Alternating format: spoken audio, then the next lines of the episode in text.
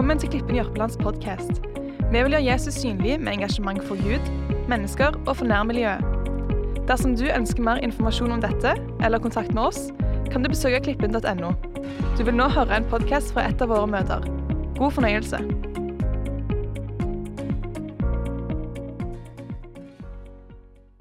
Kjekt å se dere. Det har jo skjedd så mye bra i møtene at jeg søyer nesten litt med å dele det som jeg har. Kunne jo nesten bare satt meg, og så har vi fått en, fått en god søndag. Men vi er jo midt i en taleserie. Eh, kongebøkene, første og andre kongebok. Thomas begynte sist gang og snakket egentlig om, om hele kongebøkene og litt sånn setting og kontekst. og egentlig dro gjennom litt hva, hva, disse bøkene handler om, og, og dro ut hvordan det relateres til våre liv i 2019 og samfunnet vi lever i. Det er jo det som er så spennende med Bibelen. Om man er gammel, så er den fortsatt superrelevant, og det er enormt mye gull å hente ut fra den. Og Derfor er det også kjekt å lese den i lag, sånn som pappa sier, at uh, vi kan uh, vi kan lese og så kan vi lære hverandre og vise hverandre hvordan vi leser og leser i lag. Så kan vi høre hvordan hverandre reflekterer på de ulike versene og kapitlene. Og det er enormt lærerikt og inspirerende, har jeg erfart i tidligere eh, bibelbøker vi har hatt her på, på Klippen. Så jeg vil bare absolutt eh, oppfordre og inspirere dere til at eh, til å ta med dere den lille lappen som ligger i foajeen, og, og, være med og lese i lag. sånn at uh, på søndagene så har dere litt bakgrunnsstory. Men eh, vi skal lese det ikke sånn at hvis du ikke har lest fram til nå, så, så forstår du ingenting. Det, det, skal gå helt greit. Vi skal ta oss og lese litt i lag, iallfall i dag òg. Det er kongebøkene. Det er kong Salomo som er min, Den denne jeg skal snakke om i dag. Hovedtittelen er jo 'Imot alle odds', og jeg har litt lyst til å snakke om egentlig et helt liv eh, imot alle odds. For eh, Vi skal se på Salmo og egentlig se på store deler av hans liv og se på hva ulike sesonger og ulike faser han var i, og prøve å trekke ut noe som kan være eh, relevant for oss. Så Det betyr jo at jeg kan ikke lese hele livet hans, eh, så her må dere lese litt sjøl hjemme hvis dere vil gå litt mer i detalj. Men jeg skal lese litt stykkevis, eh, og så tar vi det i sammen. Bare ønsker å be litt først. Kjære Jesus, takker jeg for at du er her i dag. Takker jeg for fantastiske dåpen vi har fått være med på det andre fantastiske som har skjedd. Vi bare ber om at den stunden som ligger foran oss nå, at eh, du må hjelpe meg til å legge fram eh, budskapet du har, Herre, for eh, menneskene her. Bare ber om åpne hjerter, og at du er med meg til å kunne legge det fram på en forståelig måte. Og at vi kan ta nye steg mot deg og den relasjonen med deg i dag, Jesus. Amen. Vi skal begynne, og så skal vi se på kong Salomo. Kong Salomo han var sønn av, av, David, kong David, som var en stor konge som gjorde mye bra. Som med sine feil og mangler, som også gikk på en smell, så var han en mann av Guds hjerte.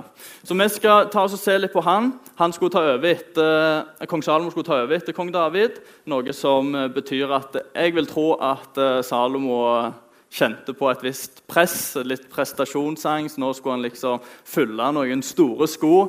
Eh, han skulle ta over etter sin far. Eh, så vi skal ta oss og, lese litt eh, fra starten av eh, kongeperioden til Salomo. Og Vi skal lese fra første kongebok, kapittel 3, vers 5-15. Det kommer dere opp bak, så dere får bare lese med meg. I Gibeon viste Herren seg for Salmo i en drøm om natta. Gud sa, 'Be om hva du vil, og jeg skal gi deg det.' Salomo svarte, 'Du har vist stor godhet mot din tjener David, min far.' fordi han vandret for ditt ansikt i troskap og rettferd og hadde et hjerte som var oppriktig mot deg. Du har holdt fast ved din store godhet ved å gi ham en sønn som i dag sitter på hans trone. Nå har du, Herre, min Gud, gjort din tjener til konge etter min far David. Enda jeg bare er en ung og uerfaren mann.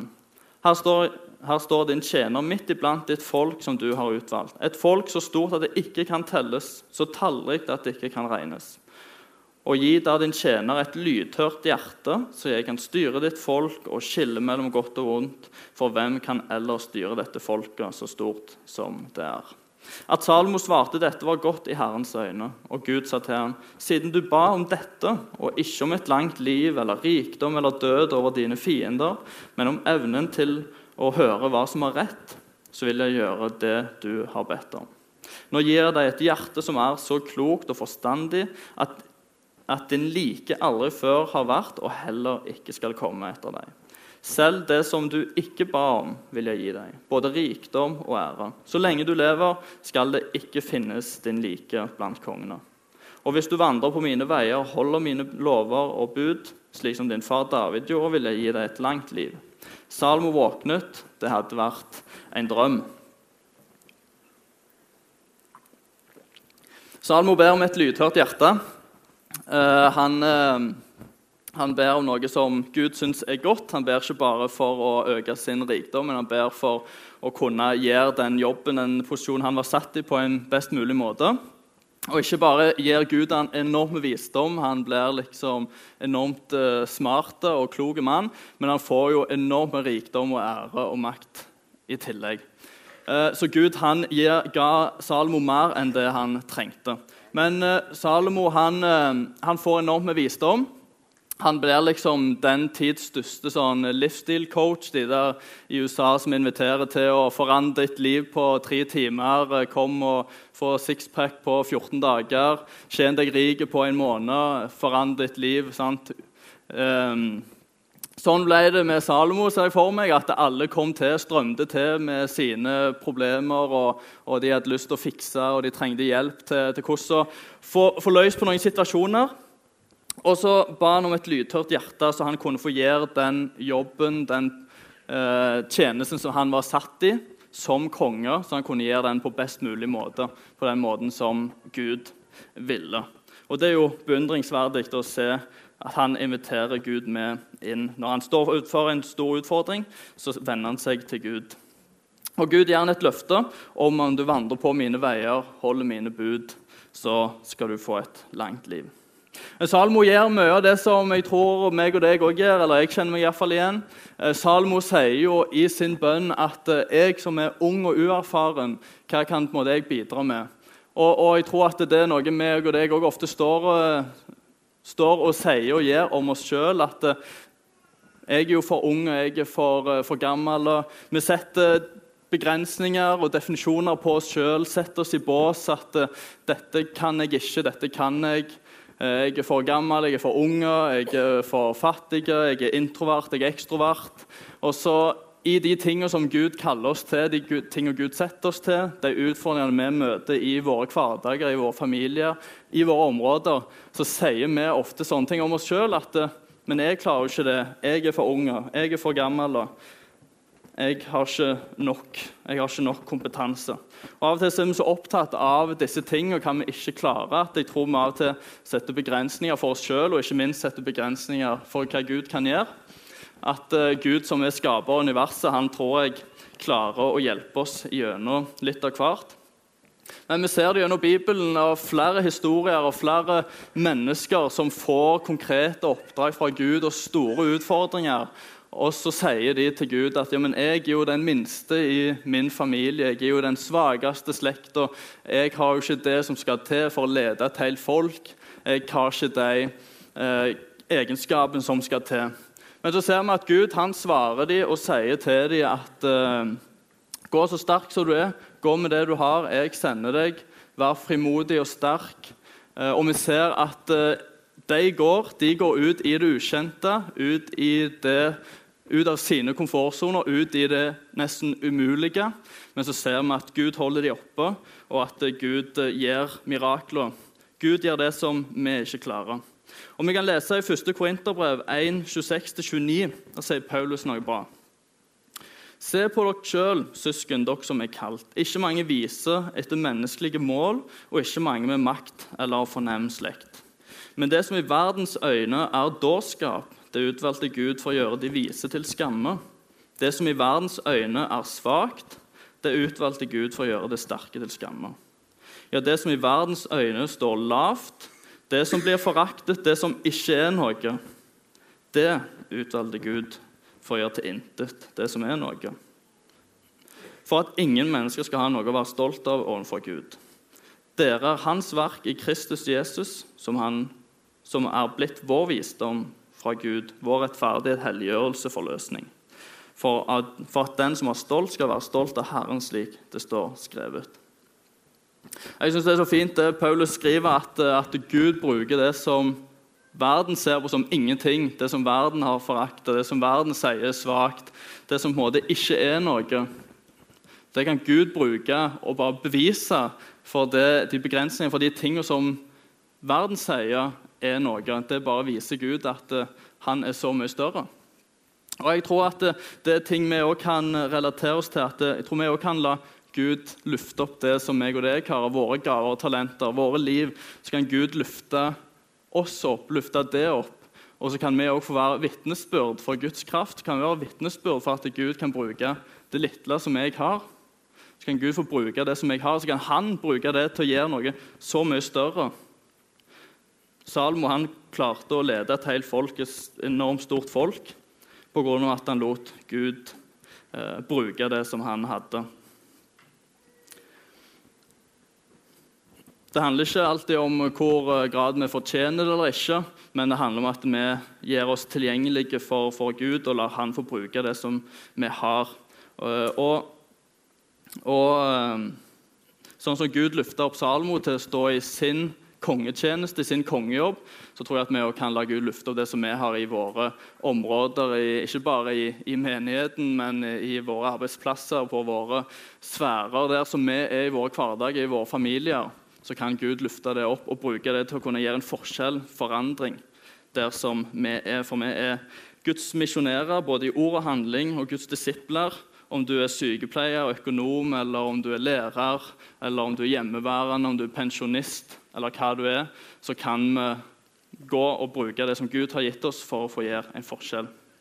Så tror jeg at vi kan spørre oss ønsker vi å være et vitnesbyrd for det Gud har.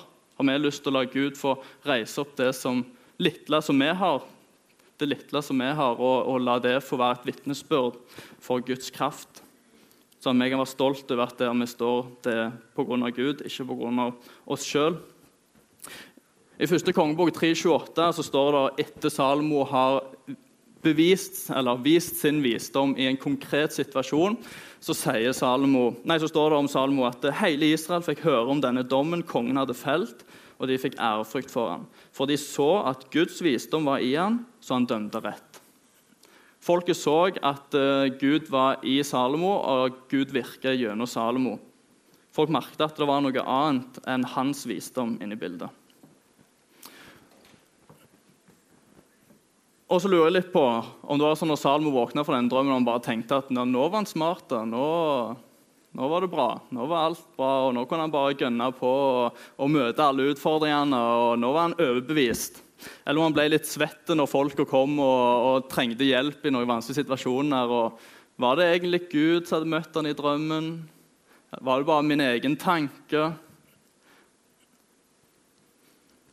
Jeg tror at uh, Salmo han måtte bare gå i det, tro på det som var sagt. Gå i tro, vandre i tro på at Gud han var med han og skulle gi han den visdommen som han hadde lovt. Ikke sikkert han kjente på noe spesielt eller noe ekstraordinært der og da, men han måtte bare hoppe i det. Og litt sånn tror jeg av og til det også, og, og Thomas snakket litt om det sist søndag, det med våre komfortsoner. At av og til må vi tørre å rokke litt med de komfortsonene våre. Tørre å ta noen steg ut av og til. Ta noen steg ut av komfortsonene. Og det er ofte da vi får se at Gud eh, Vi gir rom for at Gud kan virke og, og holde oss oppe. Med, med I Nye testament står det en historie om når Jesus går på vannet, og Peter får lov å gå på vannet til Jesus. Peter må jo sjøl fysisk ta sin fot ut i det ukjente, ut i det umulige, ut på det som i våre øyne ikke ser overkommelig ut, gå på vannet. Hvis det er noen som syns det høres naturlig ut, så kult hvis du klarer det. Men, eh, men han måtte fysisk ta steget over båten og la Gud eller Jesu ord for å holde han oppe på sjøen. Og litt sånn tror jeg av og til at vi også må gjøre, at vi må av og til gå med det vi har. Uh, gå ut i det ukjente. Vi snakker om å gå imot, eller, imot alle odds. Da må vi av og til ta et steg ut av våre komfortsoner i tro på at Gud han følger med. Eh, vi leser videre, eller jeg forteller videre. Eh, Salomo og, og landet, eller folket, mener jeg, de skal bygge et tempel. De skal bygge et tempel der Gud skal bo. Det de står mange kapitler om, om, eh, hva de legger inni det. Gull og bronse og ikke sølv. Det var det så mye av, så det var ikke noe verdi. Eh, utskjæringer, og det var alt mulig. Eh, det var ikke måte på hvor fint det var. Eh, der skulle Gud bo. Og Der det, står det at de, de jobbet, og de, de ba sammen, og de feira når det var ferdig. Og jeg synes jo litt det, det, høres litt ut som, som, menighetsfellesskap, vårt fellesskap. Det at vi, vi, er sammen, vi er sammen om samme mål. Vi bygger ikke tempel i fysisk forstand at, at Gud skal bo i tempelet, men vi får lov å være med og bygge menighet og, og lage til rette for fellesskap der mennesker kan få bli kjent med Jesus, få ta nye steg og få møte Gud og, og legge til rette for at folk skal kjenne seg hjemme. Og og vi òg eh, feirer sammen. Eh, det er gjerne litt merkelig for noen å si at vi feirer gudstjenester, men det er jo det vi gjør. Vi feirer, vi kommer sammen og feirer det som Gud har gitt oss, det som Gud har for oss. Det som eh, vi har, det gamle livet er forbi, og vi kan se mot det nye. Vi har et evig liv i møte når den tid kommer. Vi har så mye å feire sjøl hvordan våre omstendigheter ser ut. Om det er oppover eller om det er nedover, om det er motstrøms eller medstrøms, så kan vi fortsatt feire, for Gud har fortsatt gjort alt, uavhengig av hvordan det ser ut i våre omstendigheter. Men det at de hadde dette fellesskapet som jobbet mot samme mål, og som ba sammen og som feira sammen, jeg tror det ga en forutsetning for at de, de var gira. De ga på. Sant? Det er inspirerende å være et del av et sånt fellesskap, av et team som ønsker å gjøre dette i lag. Og De bygde et tempel som eh, Salmo ber at eh, om folk er i utlandet og trenger hjelp, tilgivelse, så kan de vende seg mot, mot eh, tempelet og be om tilgivelse, og Gud vil være med dem. Heldigvis så trenger ikke vi ha med oss kompass og stille oss inn på, på klippen der vi enn er når vi trenger hjelp, men vi har heldigvis eh, heldigvis Gud på innsida. Eh, det står i Bibelen at vi er tempel for Den hellige ånd. Og vi slipper heldigvis å snu oss i en retning og være avhengige av et konkret bygg. Men eh, vi kan få lov til å vende oss inn i våre hjerter når vi trenger Gud som mest. For det er nettopp etter dette her, når de har feira at de er ferdig med tempelet, det er da det står at eh, de var ferdige å feire, og de reiste hver til sitt. Og Det er da vi begynner å se at det skygger litt til. Bølger som Salmo har surfa på, den begynner å avta. Eh, skyggen kommer ned i dalen. Og Vi kan lese eh, konkret i første kongebok, kapittel 11, vers 1-7. Der står det at kong Salomo elsket også mange andre utenlandske kvinner enn faraos datter. Det var kvinner fra Moab, Ammon, Edom, Sidom og hetittenes land. De hørte til de folkene Herren hadde talt om da han sa til israelittene.: Dere skal ikke blande dere med dem, og ikke de med dere. Ellers kommer de til å vende hjertene deres til sine guder. Det var disse kvinnene Salomo holdt seg til og elsket. Han hadde 700 koner av fyrstelig rang og 300 medhustruer, og de førte hans hjerter på avveier. Det var da Salomo ble gammel at kona hans fikk vendt eh, hans hjerte til andre guder. Hans hjerte var ikke lenger helt med Herren hans Gud, slik hans far Davids hadde vært. Salmo fulgte Astarte, Sidoners gudinne, og Milkom, ammonittenes motbydelige avgud. Og han gjorde det som var ondt i Herrens øyne, og fulgte ikke Herren fullt, slik hans far David hadde gjort. Salmo begynner å miste fokuset og vi begynner å komme der som Thomas snakket om sist søndag, at eh, konsekvensene begynner å komme av at motstandere reiser seg opp i fredstida, og riket blir delt. Og vi kan lese videre kongebøker som sikkert hører om senere, at eh, det går mye opp og ned med kongene som kommer. Mest ned, eh, bitte litt opp innimellom. Men, men, vi ser at Salomo han begynner å miste fokuset. Noen drar fokuset hans vekk fra Gud og mot avguder. Så jeg vil sånn løye hva, hva i verden skjer Salomo som hadde så mye, som hadde fått så masse, som hadde de erfaringene Han, hadde jo, han bodde jo i et palass som var gitt han fra Gud. Eller all den rikdommen han så på hver dag, visdommen han hadde. Hadde han glemt hvor han fikk det fra? Han, hvordan kan han på en måte miste fokuset? han hadde levd det livet? Men kanskje var det det som gjorde at han begynte å miste fokus, han begynte å vende seg vekk fra Gud. At han begynte å se at det, det var hans egen prestasjon. Det var, hans, eh, det var, det var summen av at eh, han, eh, han, var opptatt av makt og det materialistiske. Vi leser at han brukte syv år på, på å bygge tempelet, men han brukte 13 år på sitt eget palass. Han, han tok til seg disse konene som Gud advarte han mot. Ble han for fokusert på det som verden hadde? Ble han fokusert på egen nytelse? Ble han fokusert på, på det som rikdom, makt og status? Om jeg kan lese i Kolosserne 3, 1-6 Der står det Er dere da reist opp med Kristus, så søk da det som er der oppe, hvor Kristus sitter ved Guds høyre hånd.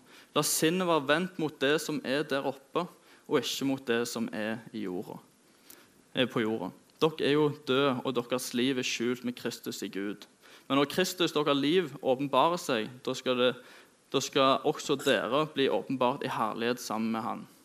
La det jordiske i dere dø, hor, urenhet, lidenskap, ondt begjær og grådighet som ikke er annet enn avgudsdyrkelse. Alt dette gjør at Guds vrede rammer de ulydige. Blant dem var også dere en gang dere levde slik. Vi legger nå av alt dette, sinne, hissighet, ondskap, spott og rått snakk, og lyv ikke for hverandre, for dere har kledd av dere gamle mennesker og dets gjerninger. Kanskje var det det Salomo gjorde, at han istedenfor å ha fokuset opp på Jesus, så fokuserte han på det jorda hadde. Kanskje hadde han eh, tatt av seg armbåndet med 'What would Jesus do?' eller eh, noe sånt. Jeg vet ikke om de hadde det på den tida. Mest sannsynlig ikke. Men Paulus sier det som jeg syns er så fint. Sett fokus mot det som er der oppe. La sinn være vendt mot det som er der oppe, mot Gud, som er der oppe. Ikke mot det som verden har. Og Paulus sier, så, sier det jo veldig brutalt.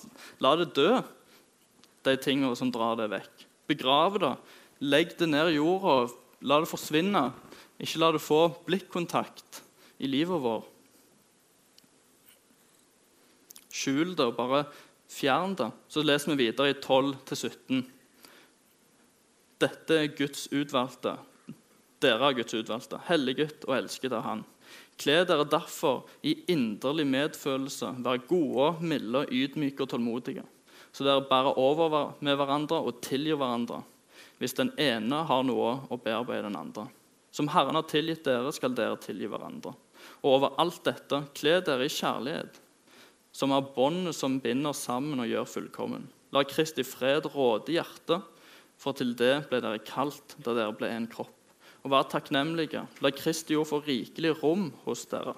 Undervis og rettled hverandre med all visdom. Syng salmer, viser åndelige sanger til Gud av et takknemlig hjerte og la alt dere sier og gjør, skje i Herren Jesu navn, med takk til Gud, vår Far, ved ham. Kle på oss, ta på oss, ta rundt oss, dekk oss til med medfølelser. vær gode og milde, ydmyke, tålmodige, tilgivende, kjærlige.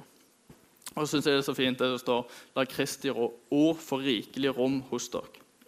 Det betyr at eh, når vi lager rom for Guds ord, legger rom for Guds ord, så er det noe som vi må ta ut, det rommet Guds ord må erstatte det som drar fokuset vekk fra Gud.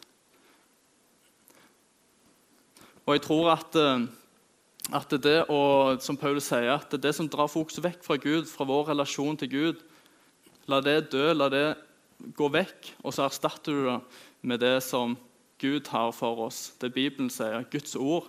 La det få rom for det er jo sånn når vi, når vi har dårlige vaner som vi ønsker å bli kvitt, så kan vi ikke bare sitte alltid og si 'ikke gjør det, ikke gjør det', ikke gjør det, ikke gjør det, for da til slutt så eh, går det ikke.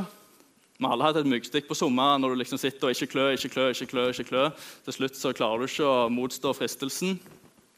Men, men når, du, når, vi har dårlige vaner, så er det beste verktøyet det å erstatte det med gode vaner. Det er jo det Paulus snakker om. det å ta vekk det som skaper distanse, det som ikke bidrar til vår relasjon til Gud, og heller erstatte det med det som drar oss nærmere og setter fokuset på Gud. La det fokuset være vendt oppover mot det som Gud har for oss. Så sier han undervis hverandre, rettled hverandre, syng salmer, vis åndel, vise åndelige sanger til Gud og takknemlig hjerte. Det er jo noe vi ønsker å gjøre her som menighet, som familie. Vi ønsker å gjøre dette i lag og hjelpe hverandre. Men vi kan jo spørre oss sjøl av og til hva vi, hva vi fyller oss med. Hva som er vårt fokus. Er det ting som drar oss nærmere relasjon til Gud? Eller er det ting som blokkerer for å komme i en tettere relasjon til Gud? Har vi noe som vi må begrave? Og Jeg kan fortelle litt sånn avslutningsvis om eh, hvordan jeg må kjenne meg litt igjen i mange av disse tingene sjøl. For, eh, for, jeg husker at uh, for mange år siden så hadde jeg veldig, begynte jeg å tenke på en tanke som var bare helt uh, det, var, det, var, liksom, ja, det var nesten litt sånn tåpelig, følte jeg. Jeg begynte å tenke at jeg hadde sykt lyst å, å forsyne. Så tenkte jeg hvem i all verden skal gidde å høre det? Det er jo så mange andre som kan mer enn meg. Jeg har jo ikke lest alt, forstår ikke alt. Jeg har ikke teologiutdannelse, jeg har liksom ingenting, eh, tenkte jeg. Eh, så det var jo egentlig helt tåpelig. Og, og, så begynte det å komme noen muligheter. eller sånn. Jeg lot, lot det ikke ligge. Jeg, jeg begravde det ikke, skulle det si. Men, eh, men jeg lot det være en ting. Og, og fikk muligheter til å, til å forkynne, og jeg på en måte tok de sjansene. Og så lot jeg Gud få bruke det lille som jeg hadde. Uh, og så kan jeg òg være et vitnesbyrd på, på, å stå her, for jeg er ikke perfekt. jeg. Ikke noe bedre enn alle andre. jeg. Men jeg kan få være et vitnesbyrd for Gud uh, av å stå her og forkynne. Og så var jeg jo selvfølgelig nervøs, men som Salomo så må vi bare trø i det. Stole på Gud, at han er med. Stole på at Gud har kontroll, og at han taler sine ord. At Den hellige ånd virker. Og så ser vi det andre som har snakket om, altså menighetsfellesskap. og kan si hvor på en måte viktig det har vært for min del. Og det skal jeg ikke si for å imponere foreldrene mine som sitter her, eller dere andre som sitter her. Jeg sier ikke for å imponere Gud heller. Men det å være en del av fellesskapet her har vært enormt viktig for meg. Å få lov til å komme på søndagen etter, etter uansett hvordan uka har vært, opptur og nedtur, så kan det være med å hjelpe å kalibrere våre hjerter på det som er det viktige i livet, der fokuset bør ligge. For det er jo så mye impulser og informasjon som kommer til oss gjennom hele uken at vi eh, blir vi blir skikkelig dratt og strukket. Så det er så godt å bare kunne komme og bare kalibrere hjertene våre mot det som skal ha fokus i våre liv. Det som er det viktigste for oss i våre liv. Og Derfor så gjør vi det som Bibelen sier, og at det fyller oss med Hans ord. Det å lese Bibelen, det synge sanger, lovsang, undervisning, forkynnelsen. Vi gjør det for at vi ønsker å trekke oss enda nærmere Gud. Og Det er derfor vi snakker om disse hellige vanene, om det å ha gode rytmer, ha gode rutiner på, på, på, på Bibel og bønn. Og, og, og, For meg så har det vært enormt viktig å sette av tid før jobb eh, til å lese og be. Eh, igjen så er det ikke for å imponere noen, men jeg sier for at det har vært enormt viktig for min del for å rette mitt fokus der jeg vil det skal være. For jeg ønsker at eh, mitt liv skal være et vitnesbyrd på jobben der jeg er, uansett. Og det å liksom være med og starte dagen på den måten er bare fantastisk. Søndagen det er møtedag. Annenhver onsdag det er life-gruppe. Å være med i tjeneste har vært en viktig del for min del. Å få lov til å sette av tid fra fra, det, fra, fra, mitt eget liv sette av tid til å være med og tjene Gud og tjene andre. Det har vært med og gitt endre mitt hjerte til å bli mer eh, raust og til å se mennesker. Jeg gjør det ikke for at det er sånn kristenmannshåndbok eh, 101, at dette er det du må gjøre, men jeg gjør det for at jeg ser jeg har så godt av det. For Jeg ønsker at mitt liv skal være sentrert om Jesus, og at områdene jeg er i, at det skal merkes, og at jeg skal kunne ha innflytelse og kunne være med og spre rundt med godhet og kjærlighet og få være en misjonær, en disippel i ord og handling der jeg er. Det er ikke sånn at vi bare skal trekke oss unna den grunnen og være en sånn kristenboble før menigheten. Men, men, jeg tror det er enormt viktig å bygge på relasjon og skape vår relasjon til Jesus. Det er der alt utgår fra. Salomo han levde et liv mot alle odds. Han var ung og uerfaren. og han, eh, han, eh, han, ble reist opp av Gud til å være en stor konge, eller var en stor konge og bygde og lede og ja, folk reiste jo fra hele verden for å møte han for å høre hans visdom og for å se. Men så tydeligvis så har han eh, skifta litt fokus. Om han eh, så på seg sjøl som herre i sitt liv. Han skulle styre sjøl, han visste best sjøl. Paulus sier i 1. Korinterne eh, kapittel 9, vers 24-27, tydeligvis inspirert av å sitte på Team Ingebrigtsen på TV. Vet dere ikke at på en stadion deltar alle i løpet, men bare én får seiersprisen? Løp da sånn at dere vinner den. Alle som deltar i kamplegen, må nekte seg alt. De gjør det for å vinne en um, seierskrans som visner, og vi for å vinne en som aldri visner. Jeg løper derfor ikke uten å ha et mål. Jeg er heller ikke lik en nevekjemper som slår i løse lufta. Nei, jeg kjemper mot meg selv, tvinger kroppen til å lystre, for at ikke jeg, som har forsynt for dere selv, skal komme til kort. Så hun skulle springe som en vinner. Springe et løp med på en stadion alle sammen og, og springe om å vinne en seierspris. Paulus han sier det sånn, han må, han må tvinge, kroppen, tvinge kroppen med. For den vil jo noe annet. Det er noen andre som har prøvd å trene og så egentlig vil ligge inne på sofaen og, med chips og cola og se på Nytt på Nytt. Men, eh, men kroppen vil noe annet enn det, eh, det, vi vil av og til. Så han, han må tvinge kroppen å holde den eh, og trene, og, og han springer målretta mot, mot, det målet som han har. Han er bevisst, han sier nei takk til det som eh, drar han vekk fra, fra, fra å vinne. Han hopper over hindringene og dukkene og utfordringene og springer for å vinne den prisen som aldri visner. Det evige livet. Livet med Jesus. Og tenker jeg, Salomo begynte han å springe mot den som visner. Begynte han å springe mot en annen premie enn det som han i starten gjorde så syns jeg det er en fin utfordring for oss alle òg å, spørre oss sjøl uh, hva er det vi springer for? Hva retning har vi, eller hva er det vi springer for å vinne? Er det det som uh, verden har for oss, som, som Salomo sprang for? Eller springer vi for det som Paulus springer for, å vinne det evige livet, for å vinne den prisen som aldri visner? Håper dette budskapet har vært til inspirasjon og veiledning. Flere podkaster finnes på klippen.no og iTunes. Du er hjertelig velkommen til en av våre gudstjenester. Snakkes der.